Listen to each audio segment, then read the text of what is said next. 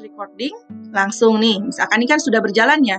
Halo semuanya, apa kabar? Misalkan seperti itu. Dan ini podcast sendiri, karena sudah banyak sekali yang membuat dan uh, semakin trending ya, mengalah hampir mengalahkan YouTube mungkin.